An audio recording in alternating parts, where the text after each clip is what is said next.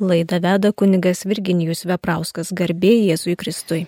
Ir panelė švenčiausiai taip pat malonus Marijos radio klausytojai girdima laida aktualieji bažnytinės teisės klausimai. Mes toliau einame ir baigiame skirsnelį atgailos dienos. Kalbam apie atgailos dienas. Iš eilės 1252 kanonas abstinencijos įstatymas saisto asmenis sulaukusius 14 metų amžiaus. O pasninko įstatymas įpareigoja visus pilnamečius iki pradėtų 60 metų. Tačiau sielų ganytojai ir tėvai privalo rūpintis, kad taip pat ir tie, kurie dėl mažo amžiaus, jauno amžiaus neturi pareigos laikytis pasninko ir abstinencijos, būtų ugdomi pagal tikrąją atgailos prasme. 1252. Čia įvardinamas įpareigojimas atgailos subjektas pagal amžių. Pagal amžių. Skiriasi nuo 1917 m. kanonų teisės kodekso redakcijos. Pirma mintis. 1917 m. kanonų teisės kodekse buvo 1254, kuris įpareigojo abstinenciją nuo septyniarių metų amžiaus. Iki Vatikaninis dalykas, iki 83 metų redakcijos, tai buvo įpareigojama laikytis abstinencijos, tai yra penktadienių nuo septyniarių metų amžiaus. Dabartinis kodeksas aiškiai nustato padvigubino amžių ne nuo septyniarių, o nuo keturiolikos metų amžiaus. Žinoma, ir reikėtų, kurie dar nesulaukia 17 metų, 14 metų amžiaus, ugdyti sąmoningą ir atsakingą atgailos formą. Tuo rūpinasi tėvai. Penktadienės galbūt mažiau žaidimų, mažiau prie kompiuterio praleisti laiką, kad vaikas arba paauglys ugdytų savo sąmoningumą. Iki 14 metų jam nepriklauso pasninkauti. Toks žodis abstinencija reiškia susilaikyti šiuo atveju nuo mėsiškų valgių vartojimo. Abstinencija. Antroji mintis. Mums į pagalbą ateina 97 kanonas, pirmasis paragrafas. Asmuo, kuriam sukako 18 metų, yra pilnametis. Nesulaukia šio amžiaus, nepilnametis. Taigi, pasninkas nuo pilnametystės. Pasninkas nuo 18 metų amžiaus iki 60 metų amžiaus. Pasninkai metų bėgyje yra trys - kūčios, pelenų trečiadienis ir žinoma didysis penktadienis. Kai ne tik tai atsisakome mėsiškų valgių vartojimo, bet vieną kartą sočiai pavalgome, kitus kartus tik užkandame. Tarkim, pietus sotus, o pusryčiai ir vakarienė alkiai numalšinti. Toks pasninkas nuo 18 iki 60 metų amžiaus kam virš 60 pasninkauti neįpareigojami. Jeigu atsitinka taip, kad suvalgė arba netai pasielgė, nėra nuodėmės. Mums paskambino, prašom. Klausytoja Birutė iš Vilniaus. Klausom jūsų, ponė Birutė. Laiks nuo laiko į namus skambina Jehovos liudytojai. Prašau paaiškinti, ką reiškia Jehova ir ką reiškia liudytojai. Ačiū. Jūs paskambinote į krikščioniškos minties radiją, Marijos radiją. Ir čia laidelė yra aktualieji bažnytinės teisės klausimai. Mes nesugebėsim turbūt, ponė Birutė, atsakyti visus tuo klausimu rūpinus klausimus jums visiems. Tik pasakysim, kad Jehovos liudytojai nėra katalikai. Jie labai aktyvūs. Skambina, skambino ir skambins. Todėl, jeigu tik tai kas nors paskambina tokio, galite pasakyti, brangieji, jūs suklydote, netem pataikėt. Arba jeigu darosi įkyru, tai sakykit, jūs mums trukdote dirbti. Arba ilsėtis. Arba aš turiu kitokių užsiemimų. Nes matot, jie dialogą veda labai aktyviai ir būtinai telefonu duoda, užmeta minčių, klausia, ar jūs jau išganyti esate, ar neišganyti. Jeigu sakot, kad aš nežinau, kas tas yra, na tai ir prasideda aiškinamieji darbai. Jie yra labai aktyvūs. Jūs galite pasakyti, mes esam kito tikėjimo, mūsų čia nereikia atvertinėti ir verbuoti tokiu būdu, telefoniniu būdu. Jie tikrai skambino, skambina ir skambins. Dabar Jehova. Jehova yra nuo žodžio Jahvė. Jahvė žydiškai yra Dievas. Šitą vardą Jahvė galima buvo ištarti vieną kartą metuose per Velykas vyriausiajam kunigui, žydų rabinui. Daugiau, kaip gir, žinote, antras Dievo įsakymas, netark Dievo vardo be reikalo.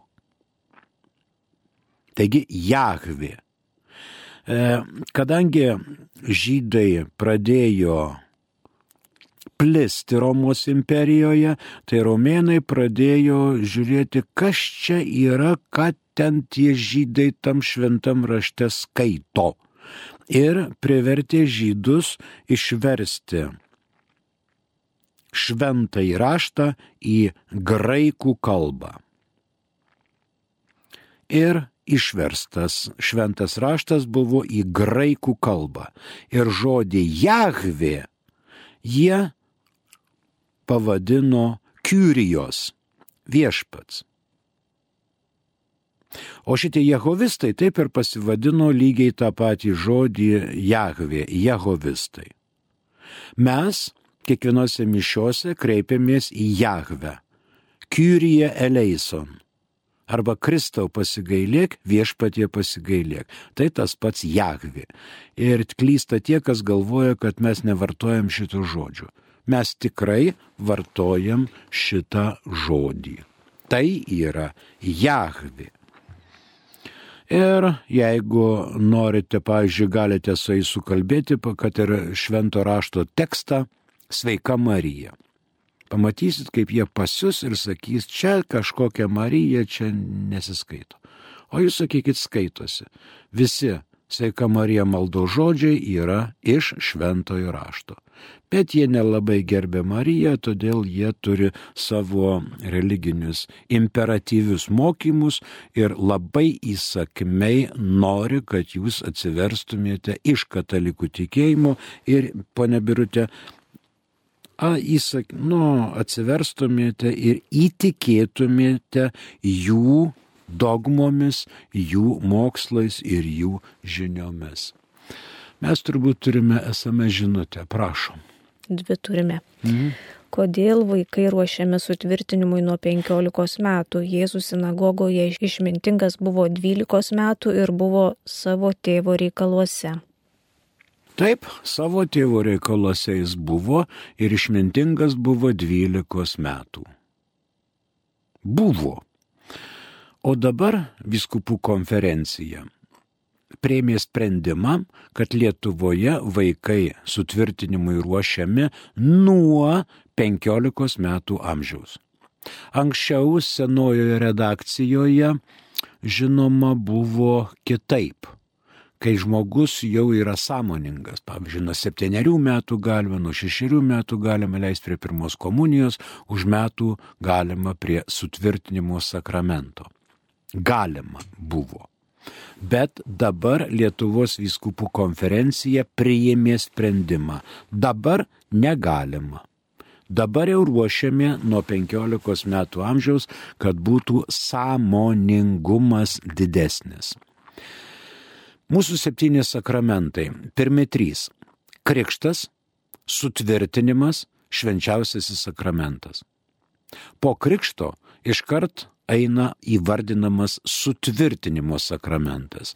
Ir pravoslavų bažnyčia laikosi būtent šitos taisyklės.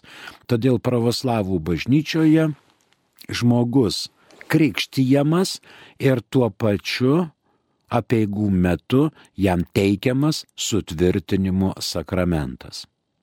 Jeigu yra asmuo krikštytas pravoslavų bažnyčioje, ar tai vyras, ar tai moteris, jis yra prieimęs ir krikšto, ir sutvirtinimo sakramentą. Katalikai teikia tik tai krikšto sakramentą. Na, jeigu yra vaikas mirties pavojuje, kunigas gali drąsiai suteikti jam ir sutvirtinimo sakramentą. Bet katalikų bažnyčia nori, kad šitas trečiasis įkrikščioninimo sakramentas būtų priimtas sąmoningai. Todėl nuo 15 metų teikia pirmenybę mokslui, ugdymui, pasiruošimui su alfa kursais ir po to atvažiuoja į parapiją vyskupas ir teikia sutvirtinimo sakramentą jau jaunoliams ir paaugliams. Bet jeigu suaugusiai žmonės nėra prieimę tvirtimo sakramento, mielai prašom kreiptis į parapiją ir priimti šitą sutvirtinimo sakramentą. Nes dabar yra nuostata viskupų konferencijos, kad negalima teikti santokos sakramento. Negalima laiminti santokos sakramento, jeigu jaunavedžiai nėra prieimę sutvirtinimo sakramento. Normaliom sąlygom.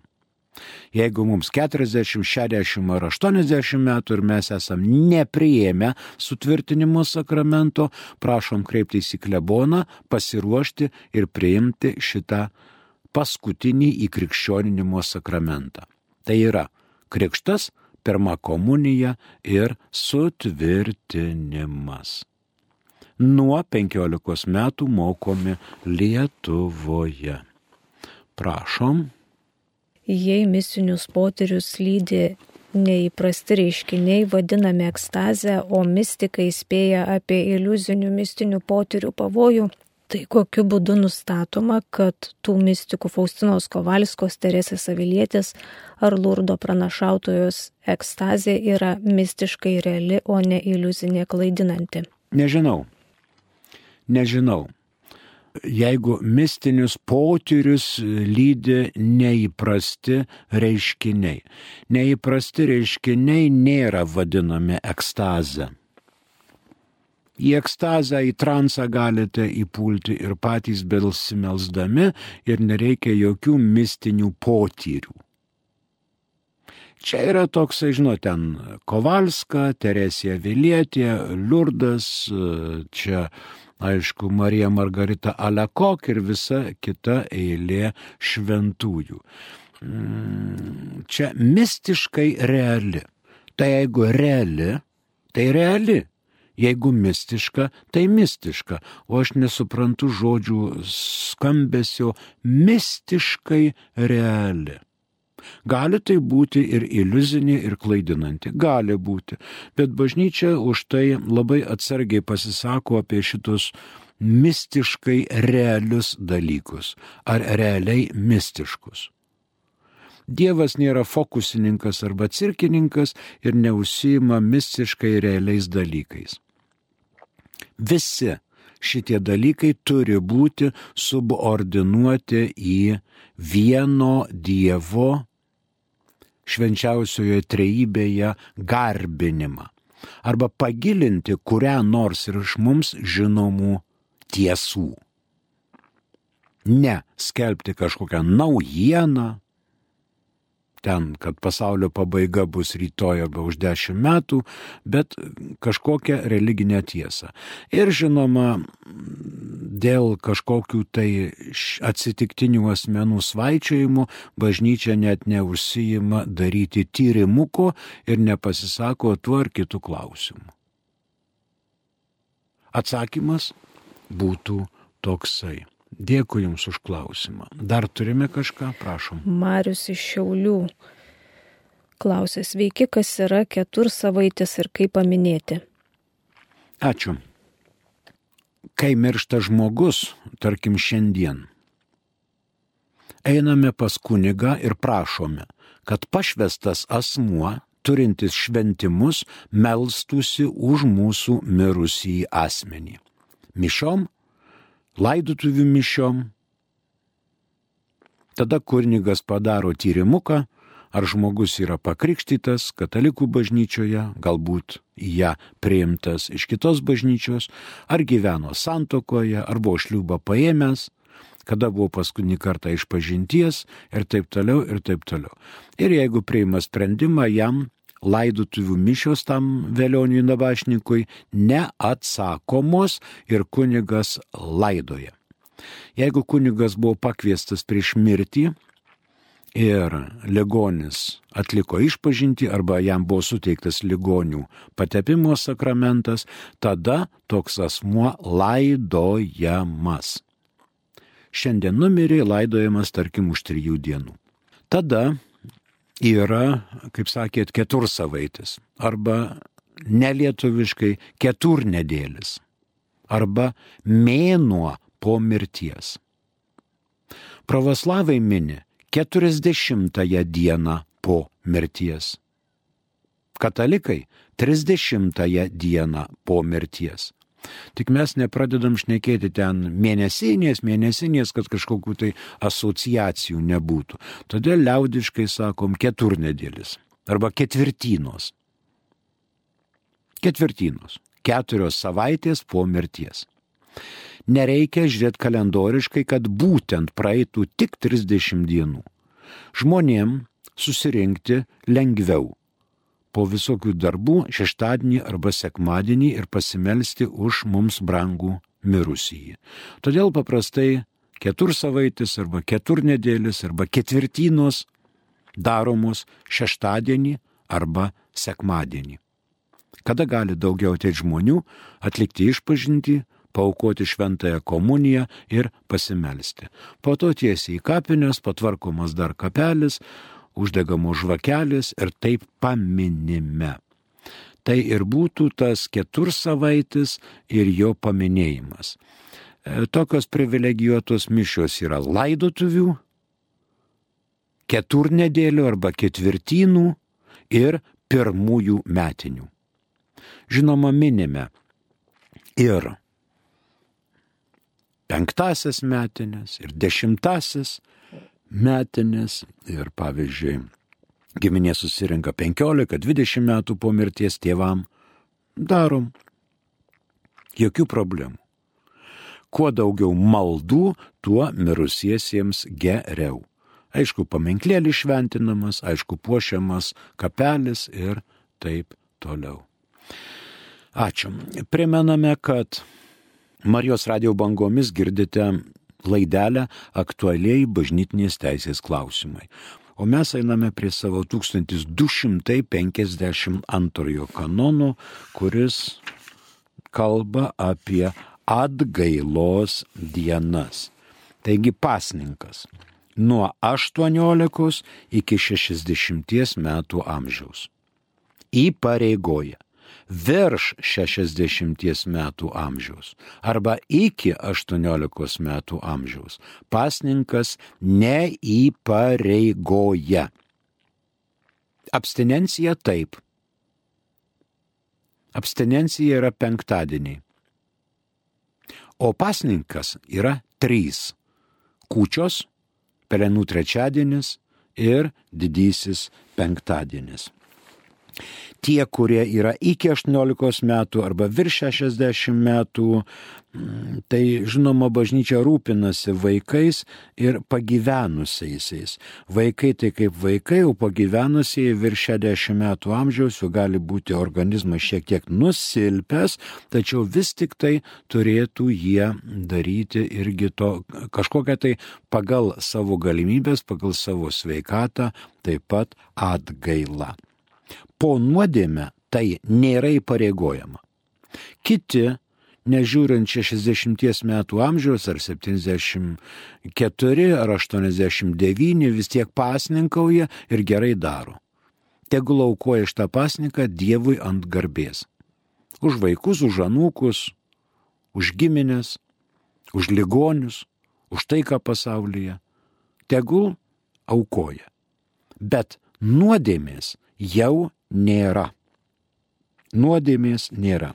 Reitų kanonuose nurodoma, kad reikia žiūrėti į dalinę teisę. Kaip vienas ar kitas arkiviskupas, metropolitas arba vietos vyskupas nurodo arba koks yra sinodo nutarimų dvasios pobūdis. Dėl amžiaus, dėl pasninko ir dėl abstinencijos. 1252 pabaigėme, fiksuojame.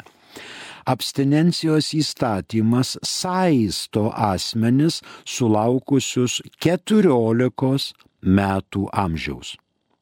O pasninko įstatymas įpareigoja visus pilnamečius iki pradėtų 60 metų.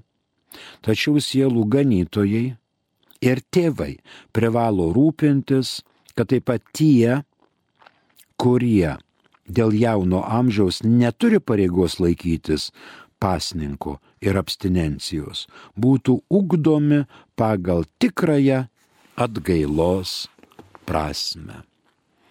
Dar ką nors turime? Prašom. Kai gimė išganytojas, tai pasirodė nauja žvaigždė. Išminčiai jos vedami ėjo jo pasveikinti, kodėl jiems reikėjo užsukti Jeruzalėn ir klausinėti apie karaliaus gimimą, jeigu žvaigždė ir taip jos nuvedė ir sustojo virš tvarto. Tai nebūtų klausinėję, tai erodas nebūtų tie kūdikių žudęs. Jeigu, jei ne čiombė, ne moputų, tai lumumba gyvas būtų nuvažiuotų į Katangą, išdaužytų čiombei langą. Tai čia yra tokie jeigu. Matot, yra žydų pasakojimo forma midraš. Šventą įraštą gali aiškinti bažnyčia. Dabar, kai gimė išganytojas, kai gimsta išganytojas. Tai pasirodė nauja žvaigždė. Na čia kažkokių nesąmonių nesąmonė. Ką reiškia pasirodė nauja žvaigždė?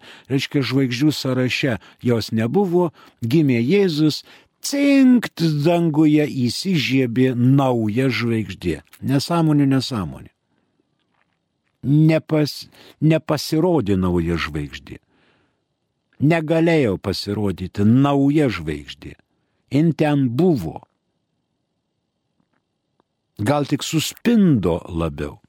Dabar išminčiai arba rytų karaliai jos vedami ėjo pasveikinti gimusiojo žydų karaliaus. Ogi reikėjo užsukti Jeruzalėn ir klausinėti apie karaliaus gimimą, nes gimė ne kūdikėlis Jėzus, bet gimė karalius. Tai Jeruzalė turėjo šniokšti ir kaifuoti ir džiaugti. Štai gimė karalius. Mes džiaugiamės. Ir išminčiams pirštų parodyti, štai varykite į tą pusę, ten rasite gimusi karalių. To nebuvo. Erodas apstulbo, o su juo ir visa Jeruzalė. Tai Erodas buvo karalius. Jis jau žinojo, kas jo įpėdinį.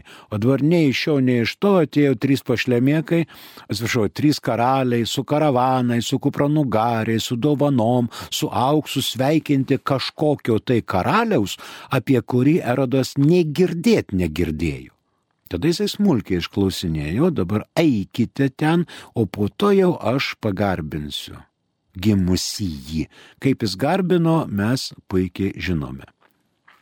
Nuostabiai žinome. Sustojo ties tvartu. Koks tvartas? Koks tvartas? Jokio tvarto ten nebuvo, ten buvo paprasčiausiai ola. Matot, Jozapas ir Marija buvo tikintys. Pamenate, kad dar ne per seniausiai, kai gimdavo, motina, moteris pagimdydavo vaiką, tai po to tas moteris tapdavo lyg ir nešvari ir turėdavo vykdyti apsivalymo apeigas. Ateidavo į bažnyčią, kunigas perskaito maldas, pašlaksto šventintų vandeniu ir nuima tuo pačiu nuo moters visokius tenais e, pogimdyvinius šokus, e, depresijas, neurozes ir jinai moteris vėl tampa atstatyta. Lygiai taip pat ir Juozapas su Marija buvo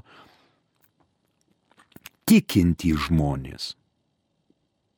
Ir jie buvo žydai o žydai buvo visi pamaldus ir jiems tikrai būtų buvę vietos užeigoje, bet visi pamatė, kad Marijai ateina laikas gimdyti.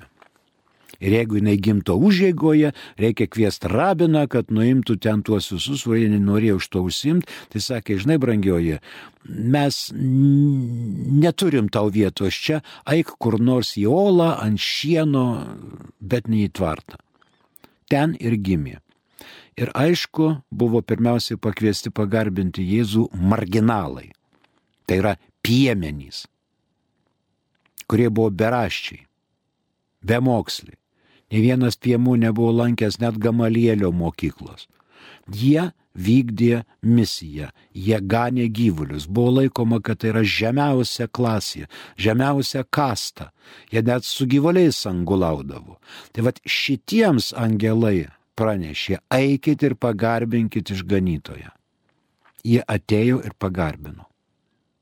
Dabar, jei nebūtų klausinėję, tai Erodas nebūtų tiek kūdikių išžudęs sužinojo Erodas, karalius, kad gimė jo įpėdinis.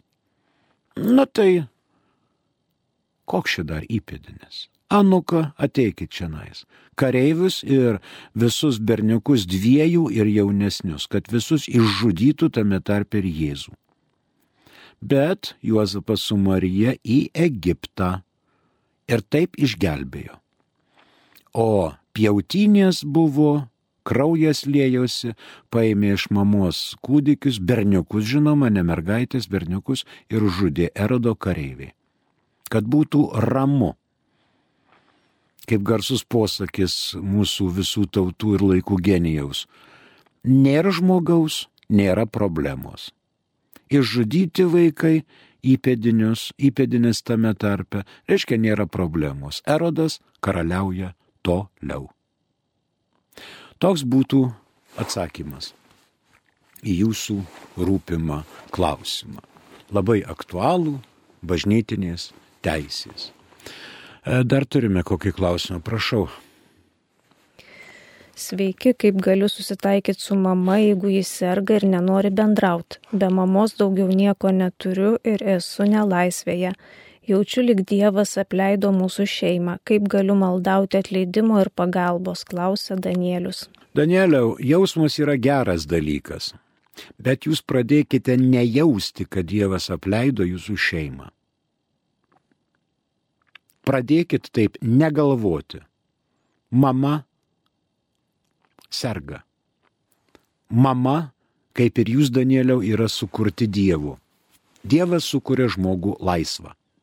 Ir jeigu mama prieimė sprendimą, kad nenori su jumis bendrauti, nes jūs esate kaip ir nelaisvėje, neaišku dėl ko, bet nelaisvėje. Ir mama nenori. Tai ką jūs ją priversite? Ji nenori, tegul nebendrauja. o jūs maldaukite atleidimo ir pagalbos. Malda. Ir savo gerų pavyzdžių. Gal jums bus pritaikytos dvi trečiosios ir anksčiau išeisit e, iš ten tos vietos, kur yra nelaisvė ir taip toliau.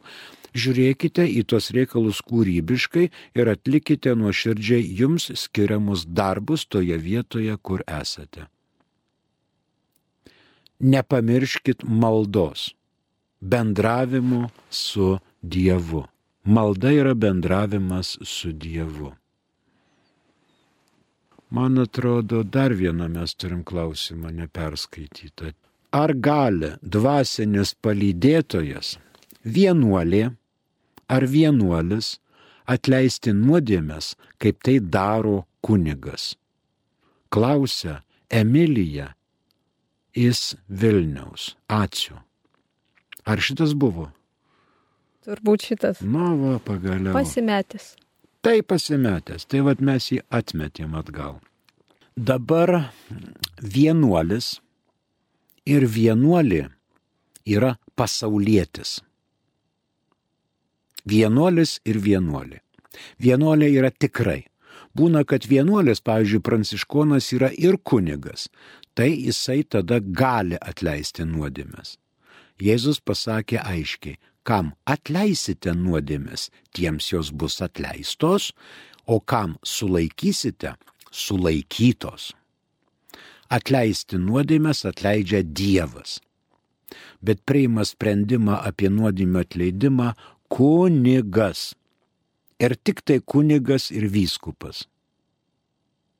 Diakonas tokio sprendimo priimti negali tuo labiau dvasinis palydėtojas netleidinėja nuodėmių. Ta daro kunigas ir vyskupas. Arba vyskupas. Kunigas arba vyskupas. Jis arba atleidžia, arba netleidžia.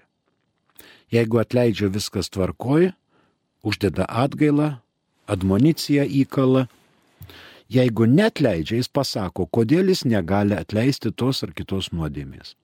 Tam jis ir mokosi seminarijoje, kad išeitų tam tikrus mokslus ir būtų aišku, ką jis gali ir ką, ko jis negali. Yra tam tikros rezervatos normaliomis sąlygomis. Jeigu ateina karas į mūsų Lietuvą, tada viskupų konferencija kreipiasi į nuncijų, kad praplėstų įgaliojimus ir leistų kunigams atleisti dar ir kitas nuodėmės, kurios normaliu metu yra neatleidinėjamos. Tai vad, yra normalios sąlygos ir nenormalios sąlygos, ekstraordinarinės. O atleidžia nuodėmės kunigas. Nežiūrint to, mes melžiamės. Kiek daug žmonių miršta be kunigo. Reikia nors paaiškinti, pasimk kryželį, pabučiuok, prašyk, kad Dievas tau atleistų. Ir Dievas, aišku, tokiu atveju nenusisuks nuo to žmogaus, jeigu jis rodo viešus atgailos ženklus. Prie mirties žmogus mato e, seselė vienuolė eina pro šalį. Jis už skverno, už padalkų ateik čia nais. Nešioji kryžių, nešioju. Duok pabučiuot kryžių. Aš myliu Dievą, aš noriu Dievo atleidimo, seniai nebuvau iš pažinties. Mirsiu dabar, nespės kunigas atvažiuoti. Aš noriu. Bučiuoju. Vienuolę tavo kryžių. Ant kaklo kabantį. Galbūt Dievas mane susimylės. Atėjo apšvietimas, atėjo supratimas ir mano gyvenimo tiekmė jau baigėsi. Atleidžia nuodėmės Dievas. Apie tai prieima sprendimą kunigas arba vyskupas. Primenu, kad ketvirtadieniais girdima laida aktualiai bažnytinės teisės klausimai. Gal dar kokią žinutę turime? Prašau. Ką tik atėjo. Marija Prašau. ir Juozapas nepaliko savo autobiografinių užrašų, nes rašyti nemokėjo. Evangelistai nebuvo su jais susitikę. Tai iš kur pas juos duomenys apie angelus pasirodžiusius rašant Evangelijas? Va čia tai aktualusis bažnytinės teisės klausimas. Būtų įdomu, jeigu Marija parašytų savo autobiografiją. Tėvas Joakimas, motinėlė Ona. Juozapas irgi sakė, štai aš iš Davido giminės ir lele ir taip taip ir toliau.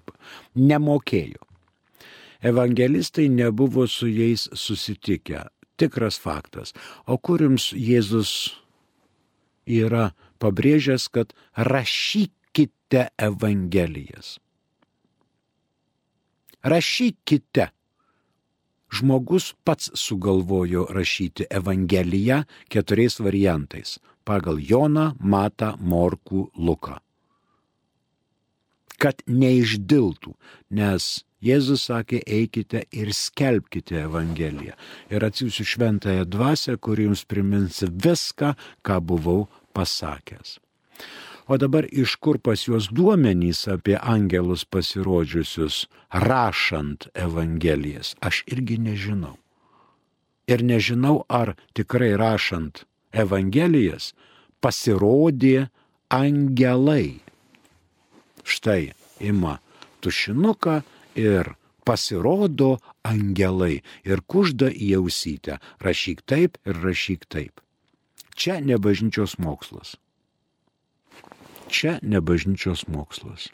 Ačiū. Prie mikrofono dirbo kunigas Virginijus Veprauskas. Šviesios dienos, jei kilų minčių, prašom rašykite, kitoje laidoje bandėsim svarstyti vėl drauge su jumis. Dėkoju už klausimus ir sudiją.